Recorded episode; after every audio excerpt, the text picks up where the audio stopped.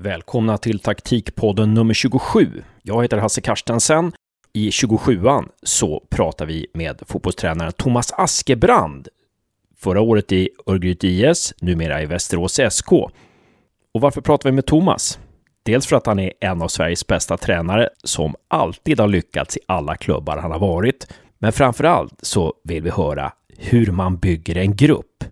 Och varför är det viktigt ur taktisk synvinkel? Jo, när vi pratade med Hammarbys analytiker David Samter, tillika författare av Fotbollens matematik, när vi pratade med honom i avsnitt 8, 9 och 10 så sa han att det spelar ingen roll vilken taktik man har om inte gruppen drar åt samma håll.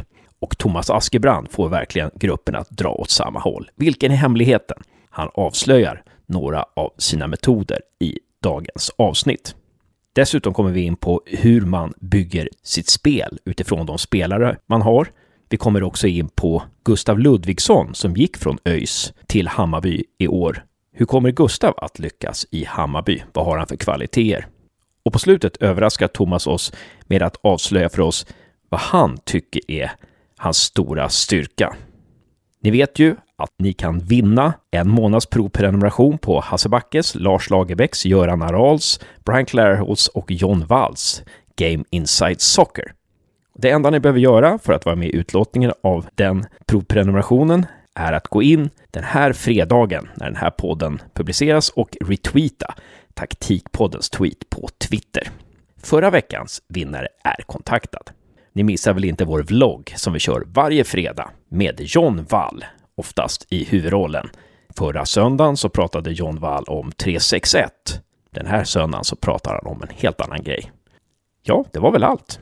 Nu lämnar vi ordet till Thomas Askebrandt.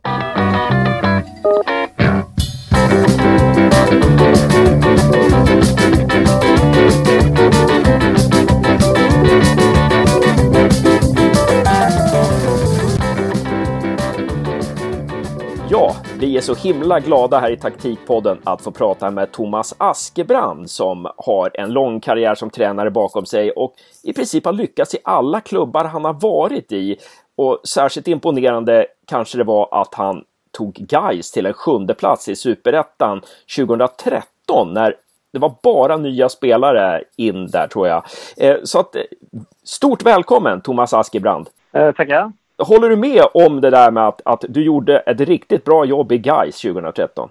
Vi gjorde i alla fall det, det tycker jag. Det var ju ett år med, eh, eller året innan ska jag säga, var väl ett kaosår eh, för, för föreningen och var väl på väg lite grann eh, nästan i konkurs. Spelare lämnade förutom de som, som hade kvar kontrakt. Så jag tror det var någonting 24 spelare som lämnade inför jag och Dymer kom då. Eller Dymer hade varit målvakt innan men eh, blev tränare då med mig. Så att, eh, det var ett rätt omtumlande år kan man säga med tanke på vad som hände i klubben. Och, ja, men, men med tanke på förutsättningar och sånt där så tycker jag killarna gjorde det på ett fantastiskt bra sätt. Vi blev ändå sjua och det var tufft men eh, lärorikt då så kan man säga. Ja, och nu ska jag, jättebra, och nu ska jag presentera Josef också som eh, är välkommen till podden. Välkommen Josef, och du hade direkt en eh, synpunkt där. Ja, tack. Vad var det första du var, var tvungen att göra när, när du kom in till Guys med 24 nya spelare? För att få någon struktur på det hela? Jag, jag tror inte att jag eh, tar det så allvarligt i sådana saker, utan jag tar det mer som det kommer viktigaste uppgift är ju egentligen att lära känna alla människorna, och, eller spelarna och försöka få ett grepp om hur de är som människor och hur de tar sig i grupp. Och, och sen är spelarna rätt skickliga på att också akklimatisera sig själva och första tiden är ju i alla lag lite grann en, en smekmånad. Men den smekmånaden gick rätt bra får man säga. Och, men mångt och mycket så är det ju så att är det bra människor så, så brukar man ju reda det tillsammans. Men jag tror det första en tränare behöver göra det är ju att lära känna spelarna så att man får grepp om, grepp om eh, hur de trivs och mår och allting sånt där. Så att eh, det är väl mera det som kanske är starten. Och det är ju precis det här som skulle vara så intressant att prata med dig. För när man pratar med spelare som du har haft så säger alla samstämmigt att det gick så himla bra för Thomas fick ihop gruppen. Och det här med gruppen är ju ganska, ganska viktigt. Alltså när vi pratade med Hammarbys analytiker David Sumter så sa han att liksom, det spelar ingen roll vilka spelare man har och vilken taktik man har om inte alla drar åt samma håll. Det räcker med att en drar åt ett annat håll liksom, så kan, man, så mm. kan liksom, säsongen vara körd. Då. Om vi, om vi börjar i en annan ände då. Vilka egna förebilder hade du som tränare när du började som tränare? Ja, jag vet inte på det sättet eh, om jag hade någon speciell. Eh, däremot så var jag lyssna på, på några tränare som höll lite föreläsningar. Och jag, mm, jag tyckte Tom Prahl var en intressant man att lyssna på måste jag säga. Han, eh, han pratade ju också lite grann om grupper vid det tillfället och sådär. Jag tror att vi nog var rätt olika men på något sätt så ja, men jag gillade det han sa faktiskt, även om han säger det kanske på ett annat sätt än vad en annan tänkte. Men eh, grundgrejen var rätt bra. Och sen eh, lyssnade jag även på Erik Hamrén och han, eh, han pratade på ett annat sätt gentemot alla andra och då var det mer ur ett fotbollsperspektiv. Eh, då gillade jag att han hade en, en helt egen tanke på hur han ville forma Då då, då var han väl ÖIS på den tiden. Eh, alla ville pressa på ett sätt men han pressade på ett annat sätt för att ta det som ett exempel. Och det tyckte jag... Eh, det var, låg väl också lite grunden till att man vill hitta sin egen, sin egen idé och sin egen stil. Och sen har man väl ja, justerat den genom åren. Men de två tycker väl att eh, de, eh, de, de stack väl ut på, på den tiden när jag startade. Men det, är ju, det här är ju ja, 25-30 år sedan tänkte jag säga, men kanske inte 30 men nästan i alla fall. Så, så det, det har ju hänt rätt mycket under, under tidens gång. Kanske det här är en svår fråga, men hur skulle du säga att din egna stil är?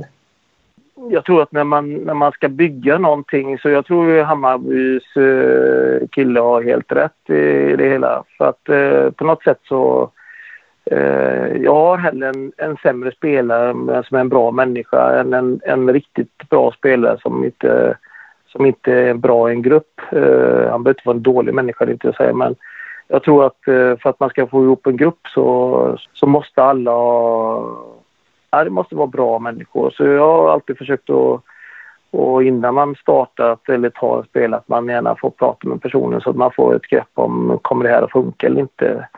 Eh, och det har ju med person, personkemi att göra också så det behöver inte innebära att den ena är sämre än, än den andra. Men jag tror att eh, kemin måste finnas där och kemin måste finnas i en grupp för att jag, jag är helt inne på det han säger att eh, det, är inte, det är inte taktiken. Det är så få matcher i, på ett år som en tränare kan säga att det, det beror på det taktiska utan det är vad du gör på träningarna tillsammans och det är vad gruppen vill åstadkomma tillsammans som är som i grunden är avgörande. Eh, så får du ihop en bra grupp så tar de x antal extra poäng och det kan utgöra rätt stor skillnad beroende på vad du har för grundmaterial i, i spelartruppen. Så för mig är det oerhört viktigt att, att gruppen är den som visar vägen, inte att det är tränaren som, som gör det på det sättet. Utan gruppen, gruppen tar laget dit, dit de ska eller vill. Eller, sen får vi försöka hjälpa dem på bästa möjliga sätt, eller vad man ska säga. Mm.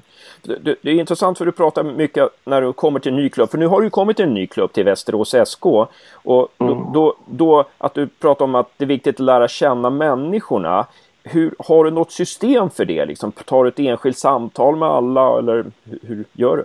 jag är ju sån gammal, jag är så gammal. Alltså jag, jag, jag, gillar att ta i hand med alla människor eh, när man kommer på morgonen. Dels är det för att eh, lite få koll på ett handslag och en ögonkontakt eh, säger rätt mycket. Alltså du får reda på direkt om, eh, om det är någon som inte mår bra eller om det är någon som eh, inte är på humör eller eh, eller om det är någon som är förbannad på det för att inte han fått spela. Så det märker du rätt tydligt på ett handslag. Och sen eh, Sen, eh, jag tror att alla människor behöver bli sedda och eh, det är ett rätt enkelt sätt att faktiskt visa att man vet att man har sett personen. Och eh, sen gillar jag väl, jag är ju rätt tjötig även så jag gillar att prata med alla och det behöver inte vara att man har någon lång konversation men två, tre meningar och man eh, lite har kul och man, man får håna varandra kanske det är bara genom att skoja med varandra. Så länge man gör det med hjärtat så eh, man måste ha roligt. Har du kul så underlättar allting så vet de om var man är någonstans. Och det gör det mycket lättare för dem att komma när det verkligen är någonting också. Så att man, man måste utgå från varje, varje person, varje människa. Och sen får man ihop det i en grupp eh, där man har gemensamma... Jag gillar inte det med regler, men överenskommelser eller hur man nu ska säga det. Men Vad är det viktigaste man behöver komma överens om där, tycker du? Eh, som, I det här gemensamma kontraktet? Så I mångt och mycket så, så tycker jag att det är spelarna som ska göra den. Eh, alltså, det är de som eh, beslutar hur deras vardag ska vara. Eh, sen är det klart att vi tränare gärna lägger in om det är någonting som, som fattas eller vad man säga. Men oftast gör det inte det och då, är det, då, då går man på vad de själva har kommit överens om. Det är, de är ju vuxna människor och kloka killar så det är ju inga konstigheter. Och... Är det några punkter som alltid brukar finnas på den där listan? Eller? Som de här listorna som du har gjort genom åren?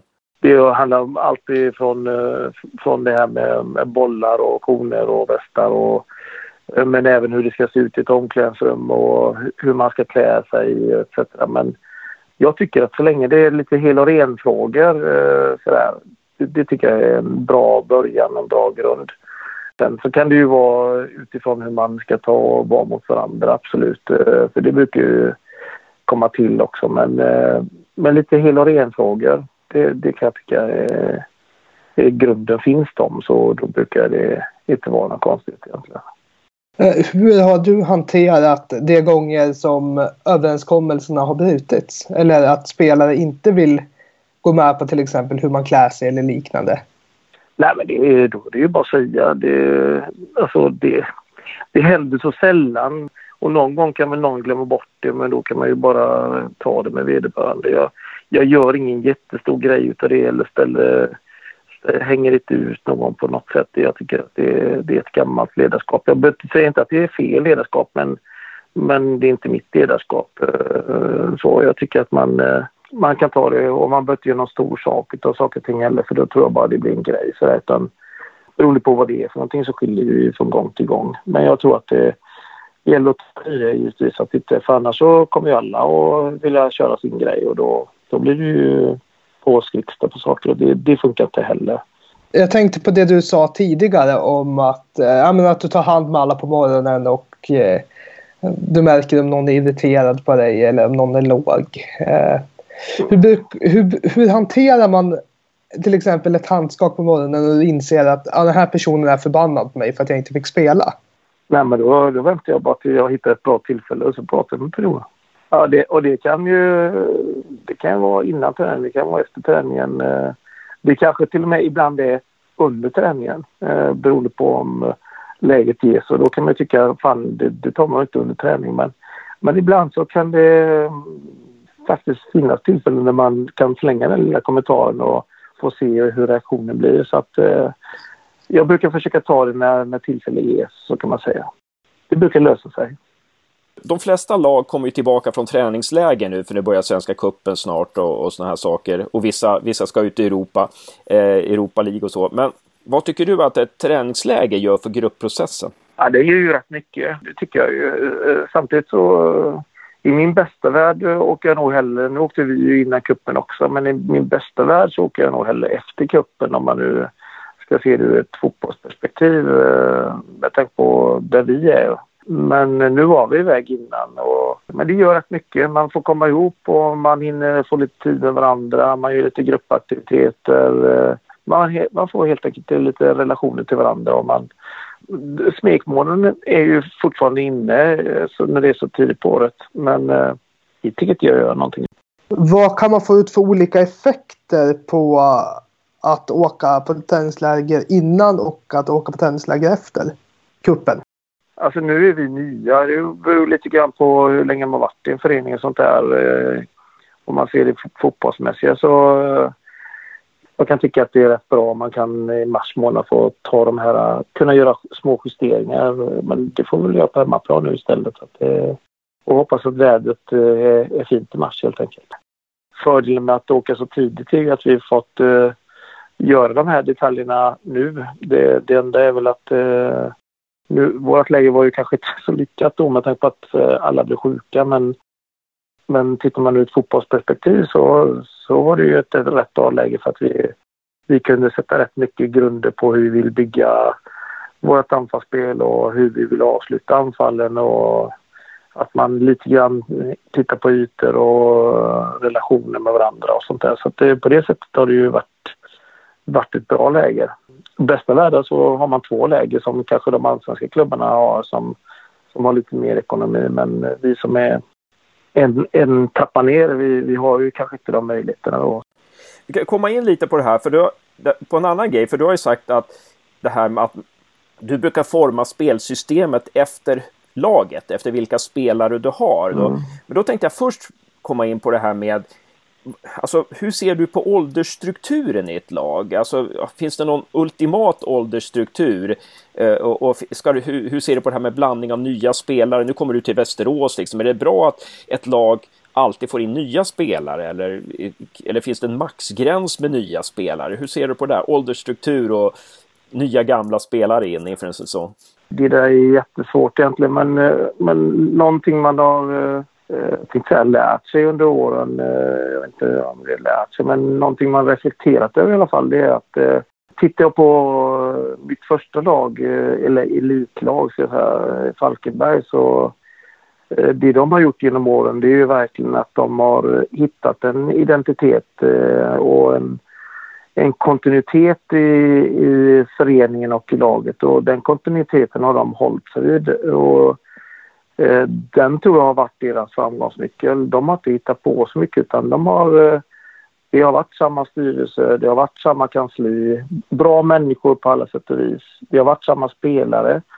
Eh, det är fortfarande kvar, trots att det är rätt många år sedan jag var där, det är fortfarande kvar rätt många spelare i truppen och rätt många är Falkenbergare. Så jag tror att eh, kontinuitet är ett nyckelord för att man ska lyckas i längden. Sen om om att man behöver ta och byta ut spelare. Det, det, det, tror jag inte är några konstigheter egentligen. För vissa spelare har kanske inte fått speltid, de vill inte vara kvar. Och vissa kanske har haft skador som är tvungna att sluta etc. Så att, att det blir, kommer in nya människor, det tror jag bara är, är bra för att gruppen ska få vakna till liv igen eh, helt enkelt. Sen tror jag att, eh, att eh, i bästa världar, men det är ju bara vad jag tycker, men i bästa världar så får man in fyra, fem nya men eh, tittar man i andra klubbar jag varit i, om man nu tar Gaistiden eller, eller som det var i ÖIS till exempel, där byter du eh, 10 spelare, 15 spelare om året. Eh, då blir det inte riktigt samma grej utan jag tror att man får man ihop gruppen så kan man givetvis få ihop ett bra resultat på, på kort sikt, absolut. Men om man ska få det över ett längre perspektiv så tror jag inte att, att byta ut eh, tio spelare per år är speciellt bra. Utan, eh, tålamod då? Tålamod, ja det tror jag definitivt. Men det tycker inte jag bara gäller en spelartrupp. Det tycker jag lika mycket gäller en ledarstab. Och det innebär inte att tränaren måste vara kvar där i, i 20 år. Det är inte det jag säger. Men, men jag, det är ju bara att titta på det tålamodet. Eh, trots att det gick lite tungt för Hasse ett tag i, i Falkenberg så, så stod sig klubben lugna och, och stod bakom honom. Och då vände de den här skutan och titta vad de har gjort. Det är ganska anmärkningsvärt vad de har gjort de här åren. Så, och han har fått den möjligheten att vara där så länge. Så att, och det är samma sak med hans kollegor, de har varit där länge. Styrelsen har varit där länge. Jag tror verkligen att är det bra människor, det är bra ordning och reda så kommer det att hjälpa en förening, ett lag att få en långsiktigt bra progression. Det är jag helt övertygad om. Jag tänker så här, så Västerås, egentligen så skulle Västerås må bäst av att du var om fem år, typ, så liksom, då kan du få ut den fulla potentialen av Västerås. Kan man se det så? Liksom? Nej, jag, jag, tror, jag, tror, jag, är inte, jag är inte så mycket ute efter själva frågan om, om tränaren egentligen i detta fallet. Jag tror, jag tror, jag tror mer det handlar om att eh, tittar jag på våran trupp så, så kan man säga så att vi har rätt många västeråsare i laget. Eh, det är rätt många spelare kvar från förra året som var i laget. Jag, jag tror att det är en jättebra grund. Tittar jag på Brage så tycker jag att Brage med Kleber har jobbat fantastiskt bra och smart hela tiden. De har lagt en grund, de har samma spelidé. Eh, klart att finjusterar små detaljer men det har varit lugnt och fint där och de har inte gjort en massa konstiga grejer.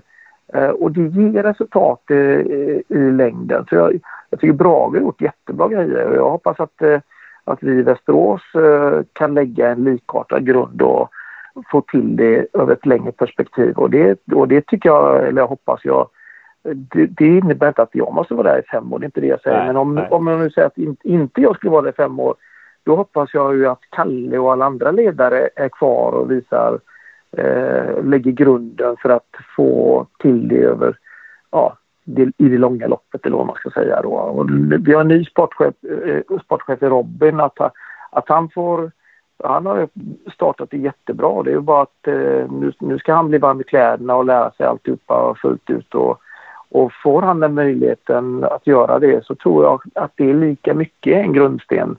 Så det är egentligen det du säger, det är att alltså det ska vara lugn och ro i styrelsen. Egentligen det du säger att det ska vara en styrelse som inte håller på att ta massa galna beslut eller, eller tänker kortsiktigt utan tror på eh, den, den idé man jobbar efter. Jag tror du har läst om mig rätt bra. Eh, så, man märker skillnad. Jag, jag säger inte att det ena är mer rätt eller fel än det andra men, men min reflektion eh, eller vad jag har lärt mig eh, från ett tränarperspektiv så är det definitivt så att eh, har du en bra styrelse, det är ordning och reda, du har människor på kansliet som är där varje dag som, som ser människorna eller spelarna och att man har en bra, bra vardag i föreningen. Då tror jag att det, det ger väldigt, väldigt mycket tror jag. Jag tänkte på det här det du sa om att eh, det är inte optimalt att ta in så många spelare och liknande. Jag såg att ni inte hade gjort jättemånga nyförvärv inför i år. Men att jag tänker på att du kommer till en ny klubb. Och om man inte tar in tillräckligt många spelare, eller nya, om man inte tar in nya spelare, får du chansen att sätta din prägel på laget ändå? Ja, men det tycker jag väl att, att eh, det, det får man ju. Eh, just med lite grann med tanke på att ni, ni, ni nämnde det här med att jag bygger lag efter vad vi har för spelare. Det, Eh, man, ja, I min värld så kan man göra det på två olika sätt. Antingen så bygger man efter vad man har för spelartrupp och försöker få ut det bästa av det. Eller så har man en spelidé och så... Jag gillar att spela 4 3, punkt, jag gör det. Eh, men jag har spelat allting. Eh, så jag, för mig är det... Jag, jag tycker inte att det ena systemet är bättre än det andra utan det är vad du får ut av de olika systemen och därför tycker jag att det är bättre att bygga efter, en, efter vad, vad du har för spelare. Det är klart att du som tränare läser du av eh, att truppen på ett visst sätt eh, så är det klart att, eh, och du gör det på rätt sätt kanske man ska säga, så är det klart att du får, du får ut eh, mycket av det. Så att eh, Kalle och jag, vi försöker, och även Leffe för den delen, vi försöker eh, eh läsa av och se vad, vad de har för egenskaper och vi har tittat eh, hur, de, eh, hur de försvarar sig och hur de kom till till avslut eller farliga chanser och hur han gjorde mål och, och dylikt. Så att, och vilka det var. Och så försöker vi eh, hitta ett sätt att eh, det här är våra styrkor och det här är spelarnas styrkor. Och hur kan vi få ihop det? Och det är väl lite grann det vi... Vi har börjat på ett sätt. Eh, det är inte säkert att vi slutar exakt på det sättet. Eh, men just nu så håller vi på att forma det och eh, det är inte förrän i april det, det ska vara satt. Så att vi eh, vi har definitivt möjligheten att forma det som vi vill, det tycker vi. Jag tänker ni identifierar era styrkor. Det borde också innebära att ni identifierar era svagheter. Rätt naturligt. Mm. Men mm. Hur, tänker ni, hur tänker du då att man ska lösa era svagheter? Är det att ta in nya spelare eller, om, eller hur ska man säga, strukturera om spelsystemet? Jag tror att eh, beroende på vad du har för storlek på en förening och vad du har för möjligheter och pengar och allting sånt där så gör man på olika sätt. Jag vet inte om, om det, det är klart att som, som en stor allsvensk förening och du har pengar och du kan ta och köpa in en riktigt bra spelare eh, och du vet att laget blir bättre så är det klart att, eh, att, eh, att du gör det om, om det ger dig en direkt eh, utveckling på, på laget. Det är klart att, att, att de föreningarna gör det. Vi som är mindre har väl kanske inte den möjligheten så att då är det ju att eh, vi får göra efter de förutsättningar och de spelare vi har eh, helt enkelt. Så jag, jag tror det beror lite grann på var du är någonstans och det ena behöver inte vara mer rätt än, eller fel än det andra. Det tror jag inte jag, jag tyckte det var intressant att du sa i en intervju här när du, när du analyserade Örgryte-tiden där. Så sa du att du ångrade att du i, om jag har tolkat dig rätt här nu då, eh, så sa du att du ångrade att du i Örgryte utgick ifrån spelarna för att det fick ganska mycket skador där ett tag, i sista säsongen. Va? Och du bytte spelsystem när du fick många skador. Om du backar bandet lite där, vilka, liksom, vilken negativ inverkan fick det här nya spelsystemet och, och lite sånt där? Äh, ska man se det rent eh, krasst kan man säga så här att eh, vi tränar bara på våra principer. eh, och våra principer är de vi sätter till matchen sedan. Så att i, i stort så kan man säga så att det spelar ingen roll om vi spelar 4-2-3-1 eller om vi spelar 3-4-3 för vi vill alltid starta anfallen och avsluta anfallen på samma sätt. Så det, i sak är det inte så jävla eh, stor skillnad på, på att göra eh, grejerna. Det jag kände där var väl egentligen att eh, vi hade fyra korsband och, och en hälsena som gick sönder. Så att, och det var ju i stort sett bara tongivande startspelare som, som försvann. Så det blev lite för många spelare under tidens gång där som var egentligen, eller hur man ska säga, för bra för att vi skulle... En sak att man får ihop en bra elva men man hade nästan aldrig möjligheten att, att kunna göra bra byten eftersom eh, man inte riktigt hade de spelartyperna längre då. Så det var väl mera och då försökte vi forma om det så att vi skulle ta och göra efter de spelarna som var på plats där då. Och jag tycker vi fick inte riktigt ut det i slutändan. Eh, det kanske nästan hade varit bättre att spela vidare på det sättet vi gjorde från allra första början. Eh, men att haft någon position där vi visste att det här, den här positionen inte, den inte det finns ingen spelare som riktigt passar i den men vi, vi försöker göra det ändå. Det var mera så eh, jag grubblade och, och jag skulle säga så här, eh, det är med rätt och fel hela tiden men det, jag vet ju inte om det hade förändrat någonting men jag är ju nog sån att eh, man tittar sig i spegeln och, man vill alltid kunna stå till svars till sig själv också så att, eh, och jag är rätt hård mot mig själv så att det är väl mera sådana saker att man, man vill alltid göra sitt yttersta och sitt bästa och då då reflekterar man och då ställer man sig själv mot väggen lite grann. Och det, det är möjligtvis att jag kanske skulle ha kvar vid det vi hade börjat med trots alla skadorna. För att man hade fått den här grundtryggheten i det hela. Och så har man fått spela med någon spelare. Men om det hade gett ett bättre resultat eller inte, det, ja, men det vet ju inte någon. Eh, och det vet inte jag heller. Men jag ifrågasatte mig själv lite grann. Det var mera det. Eh, Eh, så, så, att om du inte skulle vara så hård mot dig själv så hade du faktiskt kunnat säga att vi hade behövt få in fyra nya spelare istället för de här fyra nya, för de här fyra korsbandsskadade.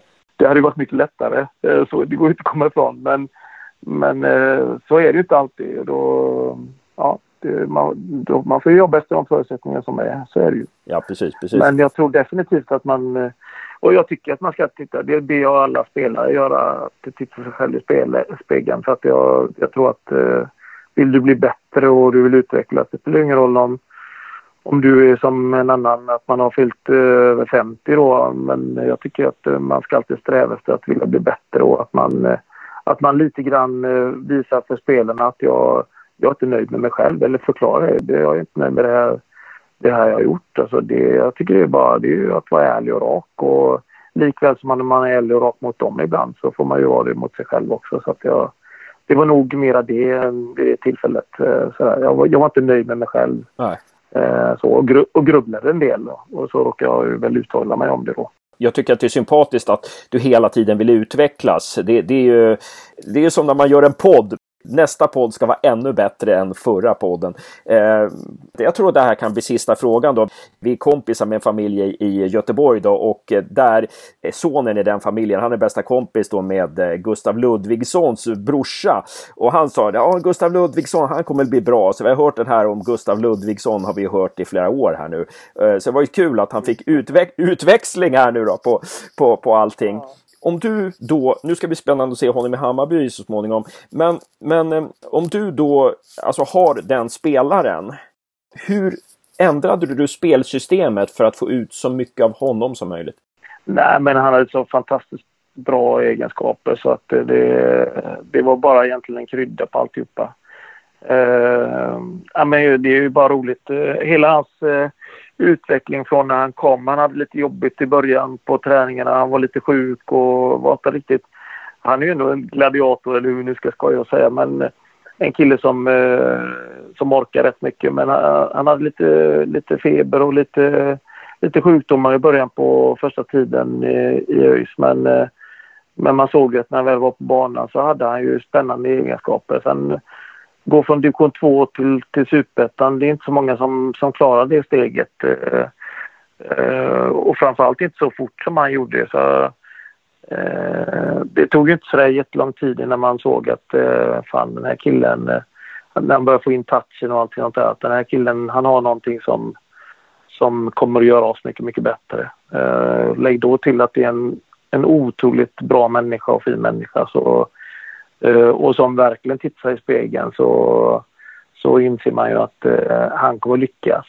Och jag kan tänka mig att eh, det kommer att ta lite tag innan, innan han kommer in i, i kängorna. I, jag har inte sett några matcher med Hammarby ännu men det kan nog ta lite tid för honom i början på, på säsongen innan han vänjer sig vid, vid deras tempo. För det är ju ett eh, avsevärt mycket högre tempo än vad, vad det är i superettan och alla de maxlöpningar de gör. Men är det någon som klarar av alla de löpen så är det ju verkligen han. Så att, eh, bara Hammarby har lite tålamod med honom så, så kommer han att bli en fin tillgång för dem också. Det är jag helt övertygad. Eh, både ur ett människoperspektiv men även ur ett fotbollsperspektiv. Han är, han är otroligt fin och bra. Det tycker jag.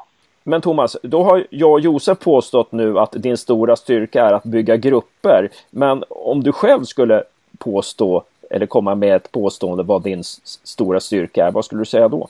Eh, det hade nog mera varit att jag är duktig på att hitta spelare från lägre divisioner och, och faktiskt lyckas med att få dem till allsvenskan. Eh, jag har faktiskt eh, över 40 stycken som jag, som har lyckats med det. Och det blev en kul grej efter Gais-perioden att, eh, att eh, sitta och räkna på det och eh, sen dess så har jag väl hållit skaplig koll på det. Så lite över 40 spelare har jag hittat ifrån lägre divisioner som har blivit allsvenska eller kommit utomlands.